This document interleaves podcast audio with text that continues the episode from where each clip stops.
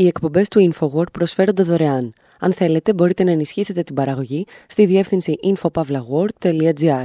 Η διεύθυνση infopavlagor.gr.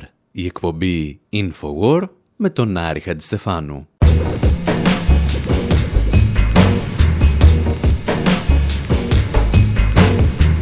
Όπου σήμερα παίζουμε σκάκι με τον Bergman και τους Iron Maiden, έναν μηχανικό Τούρκο και έναν αλγόριθμο. Και μας κερδίζουν όλοι πανηγυρικά. Με αφορμή τις καταγγελίες περί απάτης που συγκλονίζουν το σκακιστικό στερέωμα, αναλογιζόμαστε εάν έχει σημασία να χάνεις από έναν άνθρωπο όταν είναι βέβαιο ότι μπορείς να χάσεις από μία μηχανή. Και ύστερα αλλάζουμε θέμα.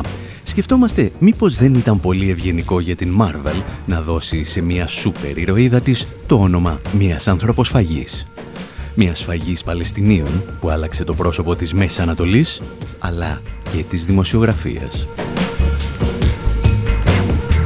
Αναρωτιόμαστε πώς θα μας φαινόταν εάν υπήρχε ένας Γερμανός σούπερ ήρωας με την κωδική ονομασία Δίστομο ή Κεσαριανή.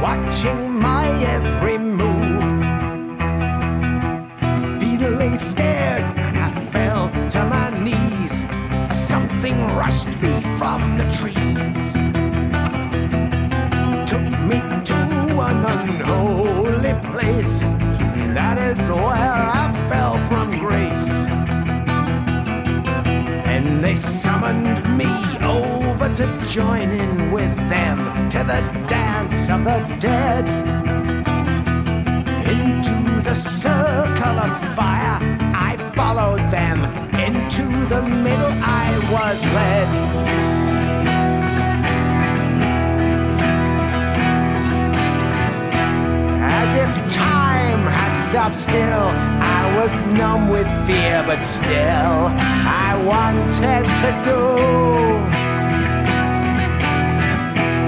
And the blaze of the fire did no hurt upon me as I walked unto the coals. Then I felt I was in a trance and my spirit was lifted from me. If only someone had the chance to witness what happened to me.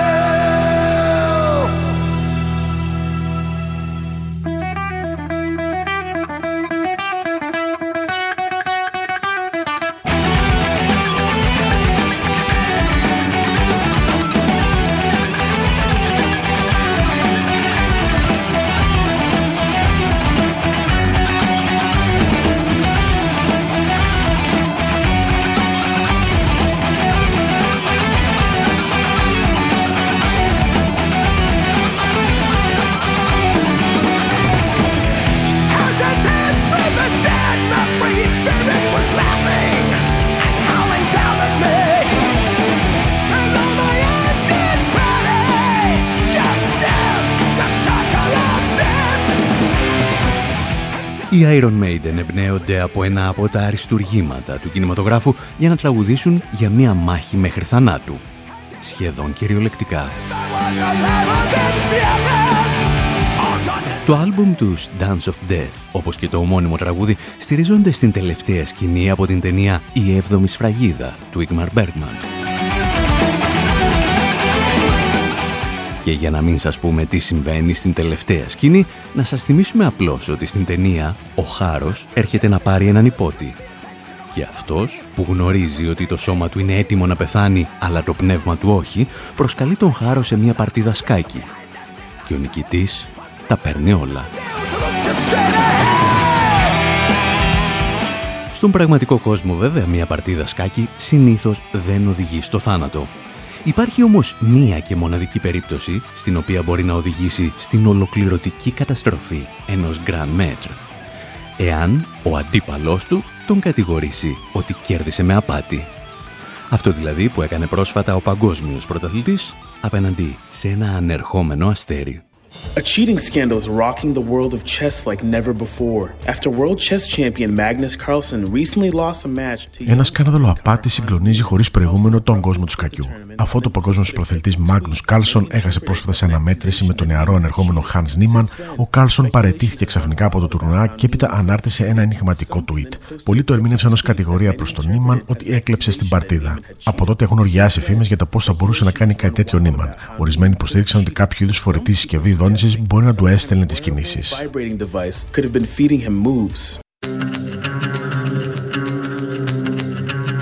Εάν τώρα αναρωτιέστε πού θα μπορούσε να κρύψει ο Νίμαν αυτή τη μικρή συσκευή που στέλνει δονήσεις βοηθώντας τον στο παιχνίδι, η επικρατέστερη εκδοχή που κυκλοφόρησε είναι εκεί ακριβώς που σκέφτηκε το βρώμικο μυαλό σας. Για την ακρίβεια αυτή η φήμη ξεκίνησε σαν ένα αστείο στο ίντερνετ.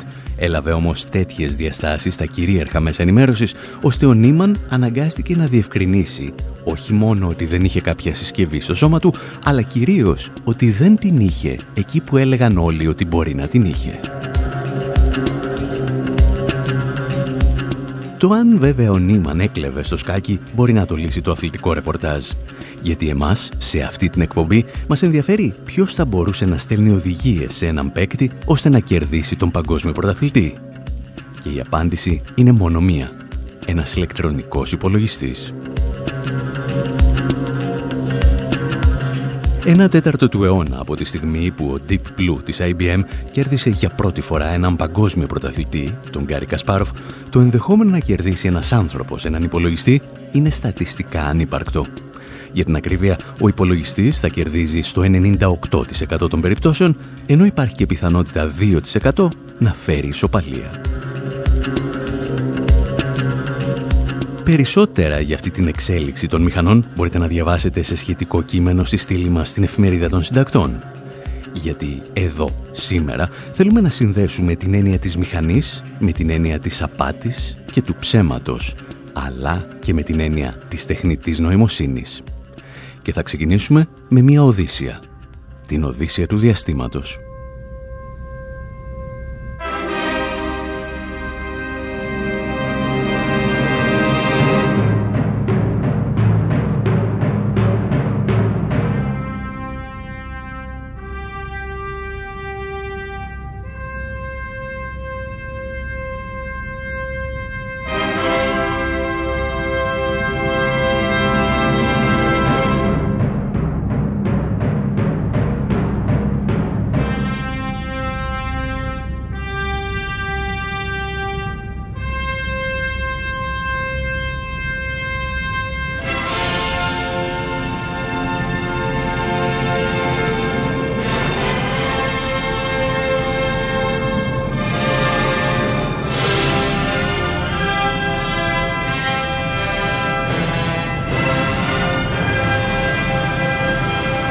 Ο Ρίχαρντ Στράους γράφει το «Τάδε έφη Ζαρατούστρα» και ο Στάνλι Κιούμπρικ το χρησιμοποιεί στην ταινία του «2001. Η Οδύσσεια του Διαστήματος».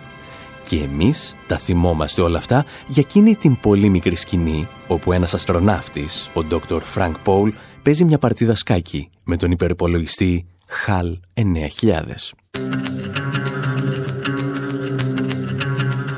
Η συγκεκριμένη παρτίδα δεν υπήρχε ποτέ στο έργο του Άρθουρ Κλάρκ, στο οποίο στηρίχθηκε το σενάριο. Ο Κλάρκ ανέφερε απλώς ότι ο υπερυπολογιστής θα μπορούσε θεωρητικά να παίξει τέτοιου είδους παιχνίδια και μάλιστα ότι θα έχανε επίτηδες στο 50% των περιπτώσεων, ώστε να μην πέφτει το ηθικό των ανθρώπων μέσα στο διαστημόπλιο. Ο Κιούμπρικ όμως, φανατικός σκακιστής και ο ίδιος, όχι μόνο προσθέτει το παιχνίδι, αλλά βάζει τους ήρωες να παίζουν μια συγκεκριμένη παρτίδα που είχαν παίξει το 1910 στο Αμβούργο δύο μάστερ της εποχής, ο Ρόες και ο Σλάτζ. Uh, rook to king one. I'm sorry, Frank. I think you missed it. Queen to bishop three. Bishop takes queen. Knight takes bishop. Mate. Uh. Yeah, looks like you're right. I resign. Thank you for a very enjoyable game. Yeah, thank you. Ο υπερυπολογιστής θα κερδίσει όπως ακούσατε την παρτίδα, αλλά σύμφωνα με αρκετούς συνεφίλς κακιστές, κάπου εδώ υπάρχει μια μικρή απάτη. Ο Χάλε 9000 λέει ψέματα για τον αριθμό των κινήσεων στις οποίες θα κάνει ματ στον αντίπαλό του. Το ματ είναι βέβαιο, αλλά γιατί ένα σύστημα τεχνητής νοημοσύνης να πει ψέματα για τον αριθμό των κινήσεων; Έκτοτε όλοι αναρωτιούνται αν πρόκειται για σεναριακή αβλεψία του Κιούμπρικ ή αν με αυτόν τον τρόπο ήθελε να προϊδεάσει τους θεατές για την στάση που θα κρατούσε ο υπολογιστής στη συνέχεια της ταινίας. Ένα μυστικό που ο σκηνοθέτης πήρε μαζί του στον τάφο. Για την ιστορία, η μάχη του ανθρώπου με τις μηχανές στο σκάκι είχε πάντα ένα στοιχείο απάτης. Η πρώτη συσκευή που υποτίθεται ότι έπαιζε σκάκι ήταν ο λεγόμενος μηχανικός Τούρκος. Η μηχανή κατασκευάστηκε το 1770 από τον συγγραφέα και εφευρέτη Wolfgang von Kempelen, ο οποίος ήθελε με αυτόν τον τρόπο να εντυπωσιάσει την αυτοκράτηρα Μαρία Θηρεσία της Αυστρίας. Το πρόβλημα ήταν ότι μέσα στη μηχανή που υποτίθεται ότι έπαιζε σκάκι κρυβόταν ένας άνθρωπος. Και η απάτη κράτησε για 88 χρόνια, καθώς ο μηχανικός Τούρκος συναγωνίζονταν και συνήθως κέρδιζε γνωστές προσωπικότητες της εποχής, όπως ο Ναπολέοντας Βοναπάρτης και ο Βενιαμίν Φραγκλίνος η ανθρωπότητα έπρεπε να περιμένει άλλους δύο αιώνες, έως ότου ένας υπολογιστής θα κέρδιζε για πρώτη φορά έναν παγκόσμιο πρωταθλητή στο σκάκι. Το ρεπορτάζ όμως για αυτή την ιστορία έχουν οι Arcade Fire.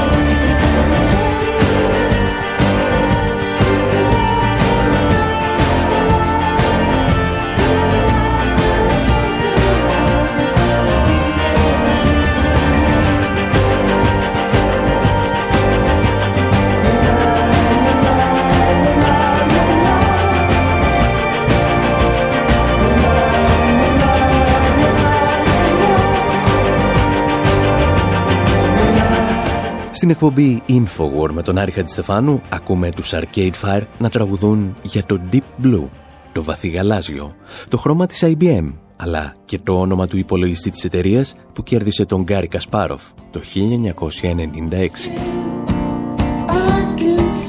Αρκετοί αναλυτές, μεταξύ των οποίων και ο δεινός κακιστής Πέτρος Παπακοσταντίνου, υποστήριζαν τότε ότι η παρτίδα είχε κάτι το περίεργο ο Κασπάροφ έπαιζε υποτονικά και σχεδόν παθητικά, με πολλές αυλεψίες που δεν δικαιολογούνται για τον άνθρωπο που θεωρείται ο καλύτερος κακιστής στην ιστορία του παιχνιδιού. Ήταν μήπως η παρτίδα στημένη για να κερδίσει η IBM τη δημοσιότητα που χρειαζόταν και ο Κασπάροφ ένα εκατομμύριο δολάρια σαν αμοιβή για τον κόπο του; Δεν το γνωρίζουμε. Το βέβαιο είναι ότι αργά ή γρήγορα ένας υπερυπολογιστής θα κέρδιζε τον άνθρωπο και αυτό δεν προσφέρεται για τις δακρύβρεχτες φοβικές αναλύσεις που ακολούθησαν.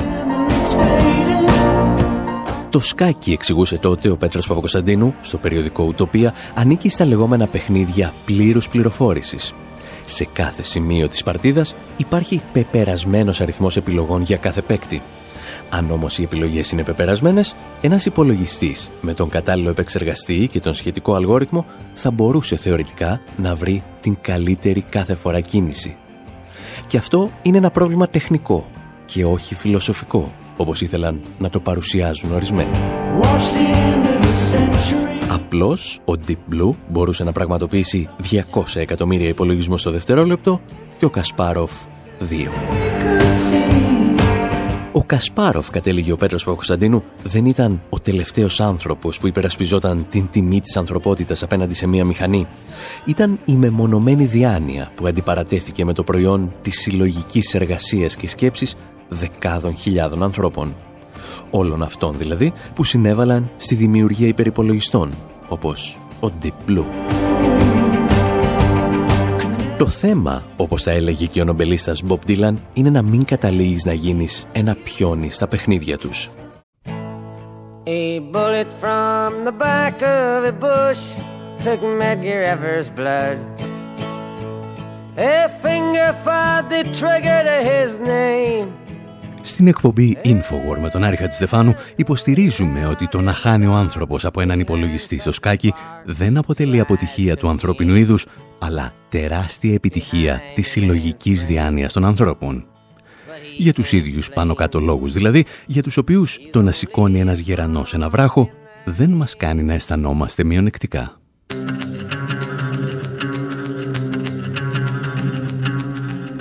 Πράγματα βέβαια υποτίθεται ότι άλλαξαν στις 5 Δεκεμβρίου του 2017.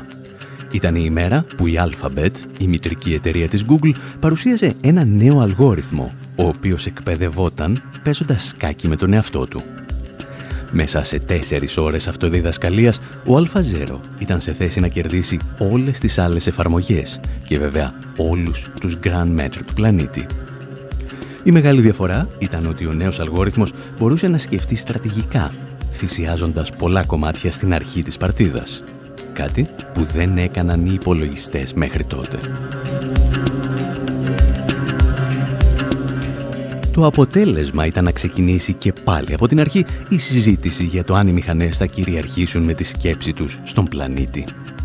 Όπως θυμάστε όμως, στην εκπομπή που είχαμε κάνει για την τεχνητή νοημοσύνη, αυτό δεν θα έπρεπε να μας ανησυχεί.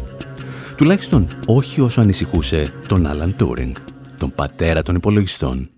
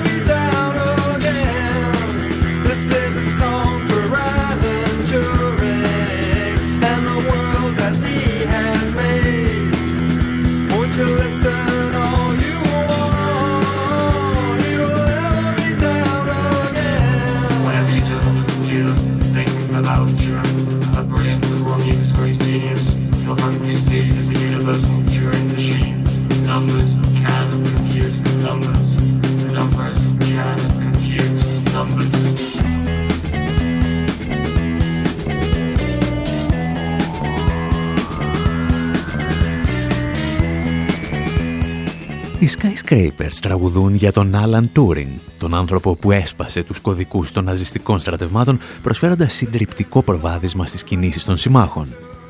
Τον άνθρωπο που έθεσε τις βάσεις των υπολογιστών, της τεχνητής νοημοσύνης και της σύγχρονης κρυπτογραφίας. Τον άνθρωπο που το Βρετανικό κράτος οδήγησε στην αυτοκτονία αφού πρώτα τον υπέβαλε σε χημικό ευνοχισμό επειδή ήταν ομοφιλόφιλος.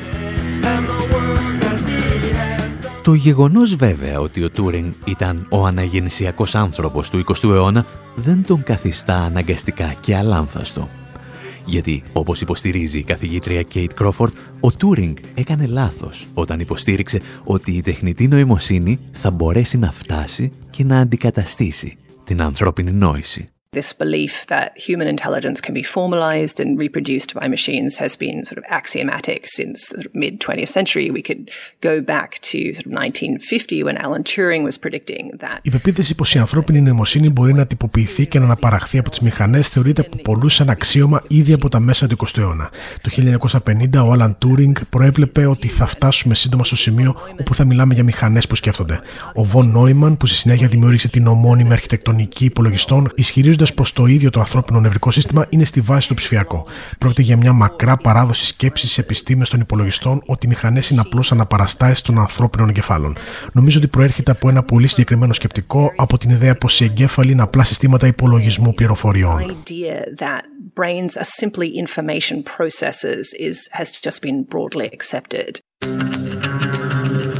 Η Κρόφορντ διαφωνεί κάθετα με αυτή την κυρίαρχη αντίληψη και στο βιβλίο της αρχίζεις να την αποδομεί λιθαράκι-λιθαράκι.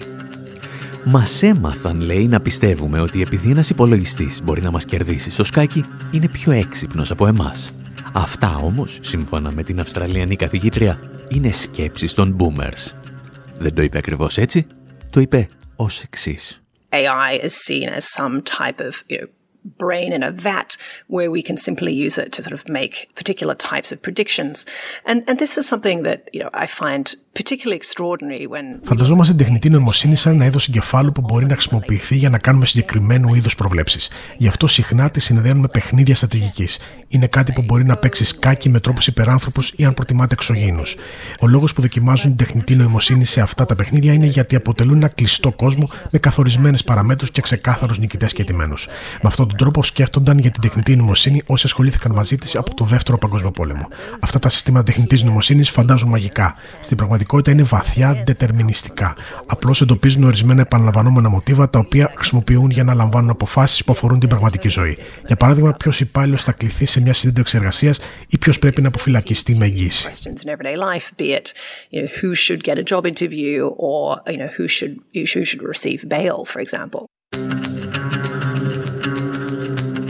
Εάν λοιπόν είστε από αυτούς που φοβούνται ότι μια μέρα θα ζούμε υπό την κυριαρχία των μηχανών, μπορείτε να ηρεμήσετε και να συνεχίσετε να ζείτε υπό την κυριαρχία των αφεντικών σας. Εμείς πάλι κάπου εδώ θα κάνουμε ένα διάλειμμα και θα επιστρέψουμε με εντελώς διαφορετικές ιστορίες στο δεύτερο μέρος της εκπομπής.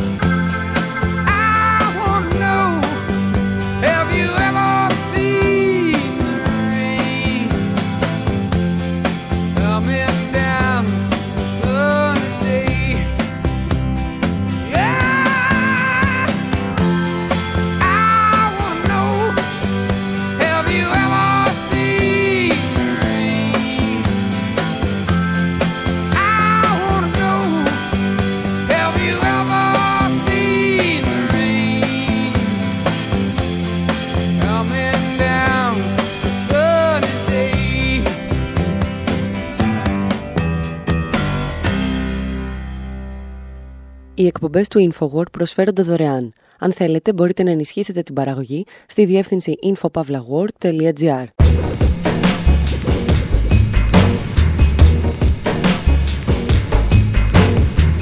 Εκπομπή InfoWord, μέρος δεύτερο όπου παρακολουθούμε την παρουσίαση της νέας ταινίας της Marvel που θα κυκλοφορήσει το 2024 με τον άκομψο τίτλο Captain America, η νέα τάξη πραγμάτων. Μας ενημερώνουν ότι πρωταγωνιστικό ρόλο θα παίζει η Σάμπρα, μια σούπερ ηρωίδα η οποία θα είναι πράκτορα των Ισραηλινών μυστικών υπηρεσιών, της διαβόητης Μοσάτ. Εμείς πάλι θυμόμαστε μαζί με εκατομμύρια Παλαιστίνιους ότι αυτές τις ημέρες συμπληρώθηκαν τέσσερις δεκαετίες από τη σφαγή στον καταβλισμό Σάμπρα, ένα από τα ιδεχθέστερα εγκλήματα στην ιστορία του 20ου αιώνα.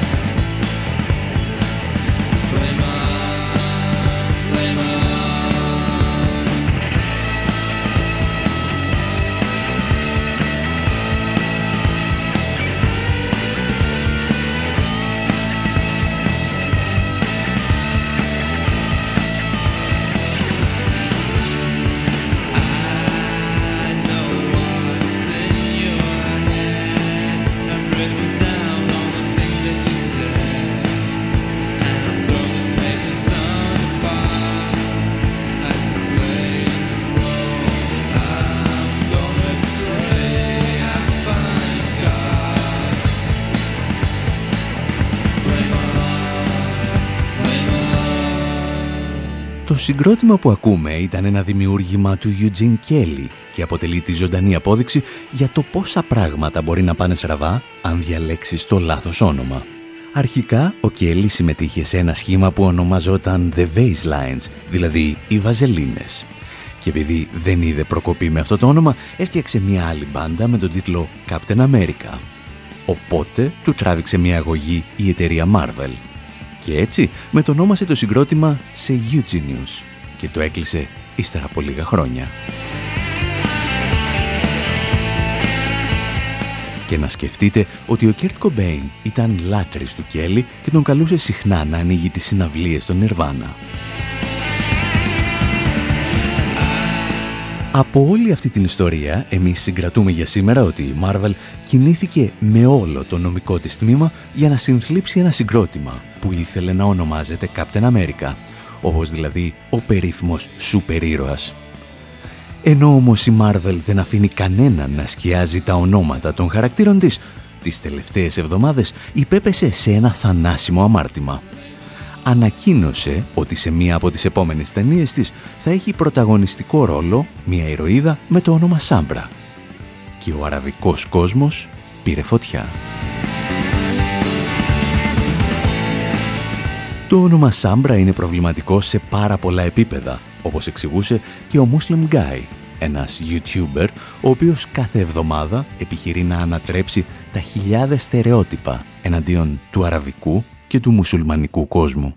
Her name is Sabra. This has stirred up a lot of controversy. From one end, What in the cultural appropriation is going on here? Because Sabra is an Arabic name. Το όνομά της είναι Σάμπρα, κάτι που έχει προκαλέσει έντονη αντιπαράθεση. Από τη μία έχουμε να κάνουμε μια πολιτισμική ιδιοποίηση, γιατί το όνομα Σάμπρα είναι αραβικό. Σημαίνει υπομονή, αλλά είναι και το όνομα ενός είδους κάκτου. Βέβαια, υπάρχει και μια εβραϊκή λέξη που έφτασε να χρησιμοποιείται για οποιονδήποτε Εβραίο γεννήθηκε στο Ισραήλ. Η οργή, όπως καταλαβαίνετε, είναι κατανοητή. Το Ισραήλ χτίστηκε πάνω σε γενοκτονία και την εθνοκάθαρση των Παλαιστίνιων. Πρώτα παίρνετε τη γη μας και τα σπίτια μας, έπειτα κλέβετε το φαγητό μας και τώρα φαίνεται πως παίρνετε τα ονόματά μας. Μήπως είναι ένα είδος απεικιοκρατίας από την ανάποδη, δηλαδή υιοθετείτε την ταυτότητα των ανθρώπων τους οποίους απικίζετε;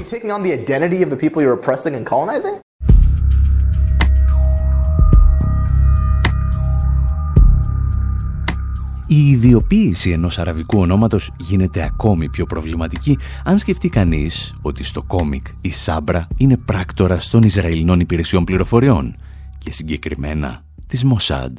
Sabra is an Israeli superhero, not a Jewish superhero specifically, an Israeli superhero, which is them trying to push the propaganda of. Η Σάμπρα είναι μια Ισραηλινή υπερηρωίδα. Δεν είναι όμως μια Εβραία υπερηρωίδα, αλλά συγκεκριμένα μια Ισραηλινή υπερηρωίδα. Με αυτόν τον τρόπο προωθεί την προπαγάνδα ότι το Ισραήλ ταυτίζεται με τον Ιουδαϊσμό και ο Ιουδαϊσμός ταυτίζεται με το Ισραήλ. Κάτι που δεν ισχύει. Η Σάμπρα είναι μια Ισραηλινή που δουλεύει για μια υπηρεσία πληροφοριών, τη Μοσάντ, και αυτή η ηρωίδα παλεύει για το Ισραήλ. Πρόκειται κυριολεκτικά για νομιμοποίηση του Ισραηλινού κράτους, Απαρχάιντ και της κατοχής τη Παλαιστίνης. Φανταστείτε τη Marvel να παρουσιάζει το 1980 έναν υπερήρωα από τη Νότια Αφρική να μάχεται υπέρ του Απαρχάιντ. Απλώς φανταστείτε το. Νομίζω ότι θα την έβγαζαν καθαρή και όμως σε αυτό προσωμιάζει αυτή η περίπτωση.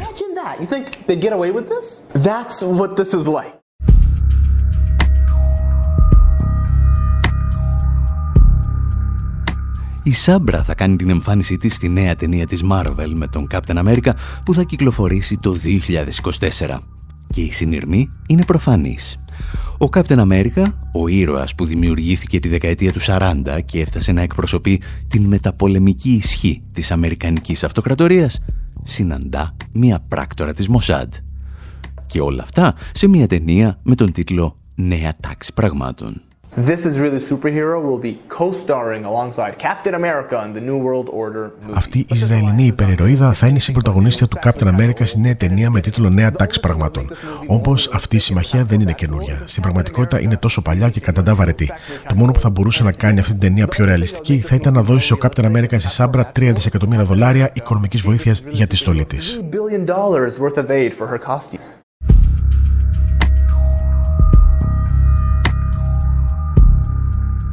Μιλώντας φυσικά για 3 δισεκατομμύρια δολάρια, ο Muslim Guy αναφέρεται στη στρατιωτική βοήθεια που προσφέρουν οι Ηνωμένες Πολιτείες στο κράτος του Ισραήλ για να διατηρεί το καθεστώς Apartheid και να συνεχίζει την εθνοκάθαρση εναντίον των Παλαιστινίων. Και μιλώντας για εθνοκάθαρση, φτάνουμε στο τελευταίο πρόβλημα που προκαλεί το όνομα Σάμπρα.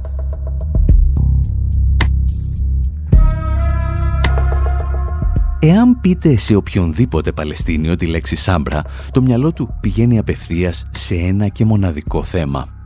Τη μαζική σφαγή που προκάλεσε το Ισραήλ στους Παλαιστινιακούς καταβλισμούς Σάμπρα και Σατίλα το 1982. Μια σφαγή που πραγματοποιήθηκε κατά τη διάρκεια της εισβολής στο Λίβανο. Και το Σεπτέμβριο του 2022 το μήνα δηλαδή που διάλεξε η Marvel για να παρουσιάσει την ηρωίδα της, συμπληρώθηκαν 40 χρόνια από αυτή τη σφαγή. Προφανώς κανένας δεν μπορεί να κατηγορήσει την Marvel ότι επέλεξε το όνομα λόγω του καταβλισμού. Η Σάμπρα, ως ηρωίδα της Marvel, είχε δημιουργηθεί το 1980, δηλαδή δύο χρόνια πριν από τη σφαγή.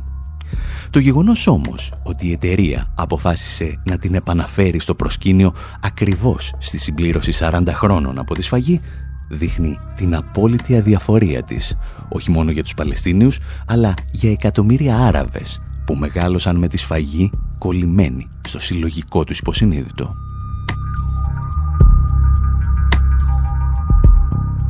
Σκεφτείτε απλώς σε δύο χρόνια, όταν θα τιμούμε τα 80 χρόνια από τη σφαγή στο Δίστομο, να εμφανιστεί ένας σούπερ ήρωας που θα κάνει τον Γερμανό στρατιώτη και θα ονομάζεται Δίστομος. Περισσότερα όμως για τον πολιτισμικό υπεριαλισμό της Marvel γράφουμε αυτή την εβδομάδα στη σελίδα μας στην εφημερίδα των συντακτών. Γιατί σήμερα θέλουμε να θυμηθούμε εκείνες τις ημέρες στη Σάμπρα και τη Σατήλα.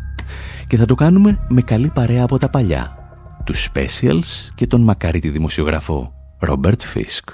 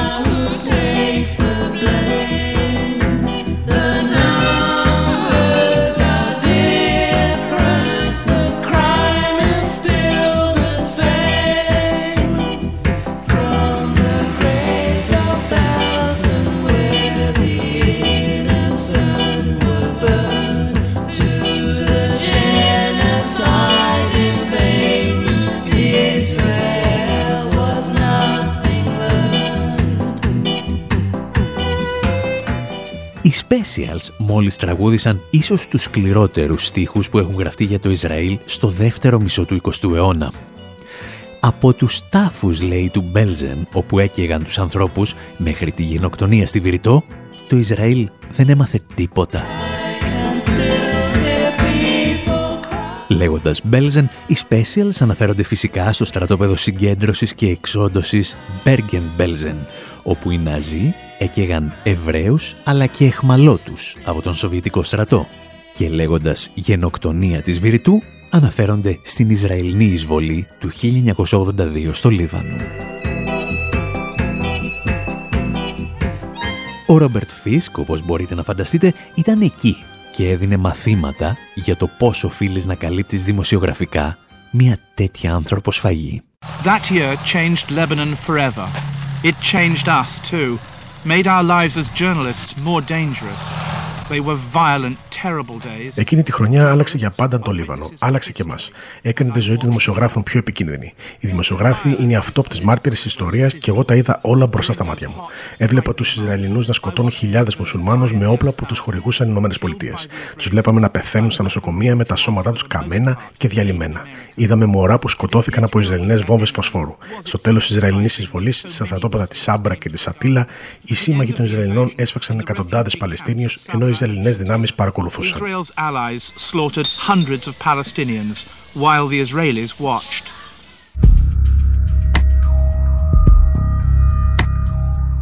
Το τι ακριβώς είχε συμβεί στα στρατόπεδα της Σάμπρα και της Σατήλα μας το θύμιζε πριν από μερικά χρόνια η Amy Goodman από το Democracy Now! On September 18, 1982, the Lebanese Christian militia forces, allied with Israeli military forces, slaughtered up to 2,000 unarmed Palestinians. Στις 18 Σεπτεμβρίου του 1982, οι χριστιανικές ομάδες ενόπλων του Λιβάνου που είχαν συμμαχίσει με το στρατό του Ισραήλ έσφαξαν περίπου 2.000 άμαχους Παλαιστίνιους στους προσφυγικούς καταβλισμούς στη Σάμπαρα και τη Σατήλα έξω από τη Βηρητό.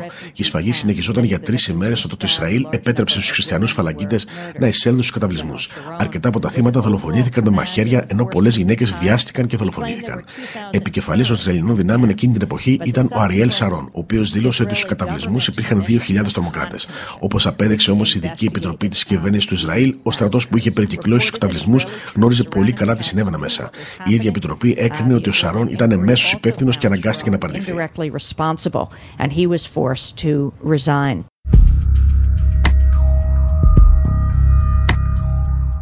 Ο Ρόμπερτ Φίσκ είναι ένας από τους πρώτους δημοσιογράφους που φτάνουν στο σημείο της φαγής. Και έκτοτε γνωρίζει ότι ο μόνος τρόπος για να αποτρέψεις την επόμενη σφαγή είναι να εξηγήσεις στον κόσμο με κάθε λεπτομέρεια όσα είδες με τα μάτια σου στην προηγούμενη σφαγή. And there was a kind of earth embankment, just like this one. The place has changed so much, new, new buildings, but there was an earth embankment like this. Θυμάμαι ότι υπήρχε ένα ανάχωμα σε κάποιο σημείο. Προσπάθησα να ανέβω στην κορυφή και όταν τα κατάφερα, αυτό έγινε μαλακό και άρχισε να κουνιέται. Και τότε συνειδητοποίησα ότι δεν ήταν ανάχωμα, αλλά απλώς ήταν κάτι καλυμμένο με χώμα. Είδα ένα πρόσωπο, ένα χέρι, ένα στομάχι ενός ανθρώπου. Ήταν ένας σωρός αποπτώματα. Κράτησα κυριολεκτικά την αναπνοή μου και πήδηξα κάτω. Ήμουν τόσο τρομαγμένος εκείνη τη στιγμή that road down there. So frightened at the time. Το να περιγράφεις όσα βλέπεις με τα ίδια σου τα μάτια είναι θεωρητικά η δουλειά του δημοσιογράφου. Ταυτόχρονα όμως είναι και ένας λόγος για τον οποίο οι δράστες των εγκλημάτων θέλουν να σε κάνουν να σιωπήσεις. Καθώς ο Ρόμπερτ Φίσκ μεταφέρει για χρόνια από το Λίβανο τα φρικτά εγκλήματα του κράτους του Ισραήλ εναντίον των Παλαιστινίων, κάποιοι αποφασίζουν να του αποδώσουν τον τίτλο του αντισημίτη. Τα θυμόταν ο ίδιος πριν από περίπου 15 χρόνια. Εκείνη την εποχή, δύο συντηρητικοί πανεπιστημιακοί, ο Τζον Μερσχάιμερ και ο Στέφεν Βόλτ, παρουσίασαν το βιβλίο τους με τίτλο «Το Ισραηλινό Λόμπι και η Αμερικανική Εξωτερική Πολιτική». Με όρους της ρεαλιστικής σχολής των διεθνών σχέσεων εξηγούσαν κάτι πολύ απλό. Ότι η πρόσδεση της Ουάσιγκτον στο Ισραήλ μπορεί να είναι επιζήμια ακόμη και για τα αμερικανικά συμφέροντα. Και φυσικά αμέσως τους ονόμασαν αντισημίτες. Ο Ρόμπερτ Φίσκ συνάντησε τότε τον Στέφεν Βόλτ για μια συνέντευξη και αυτό που αντίκρισε ήταν ένα ανθρώπινο ράκος. Πήρα συνέντευξη από τον φουκαρά τον Walt στο Harvard, μόλις είχε παρουσιάσει την έκθεσή του για το Ισραηλινό λόμπι και βρισκόταν σε κατάσταση κατατονικού σοκ. Του είπα ηρέμησε, έλα στην παρέα μας, όλοι το έχουμε ζήσει. Όλοι όσοι ασκούν λογική και έντιμη κριτική στο Ισραήλ, συμπεριλαμβανομένων των Ισραηλινών, βαφτίζονται αντισημίτες. Including Israelis, will be called anti-Semitic.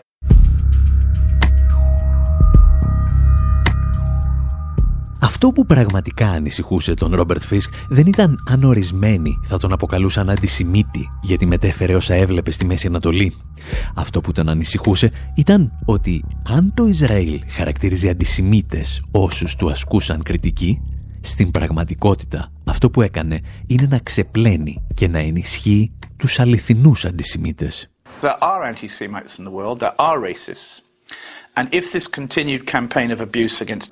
Υπάρχουν πραγματικοί αντισημίτες και ρατσιστές στον κόσμο.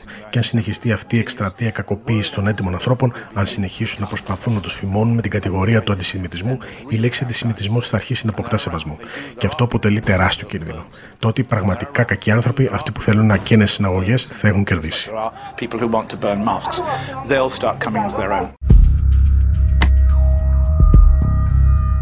Ο Ρόμπερτ Φίσκ θα συνεχίσει να μεταδίδει όσα βλέπει στη Μέση Ανατολή για δεκαετίες. Και όσο το κάνει, τόσο τα δυτικά μέσα ενημέρωσης και οι πολιτικοί θα αποκαλούν τα ρεπορτάζ του αμφιλεγόμενα.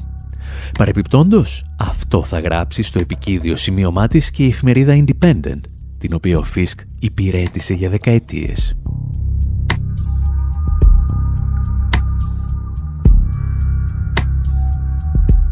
Κάπου εδώ όμως θα σας αφήσουμε και για αυτή την εβδομάδα. Θέλουμε με την ευκαιρία να ευχαριστήσουμε πάρα πολύ όλους εσάς που έρχεστε στη σελίδα μας info.pavlawar.gr και ενισχύετε τη λειτουργία της.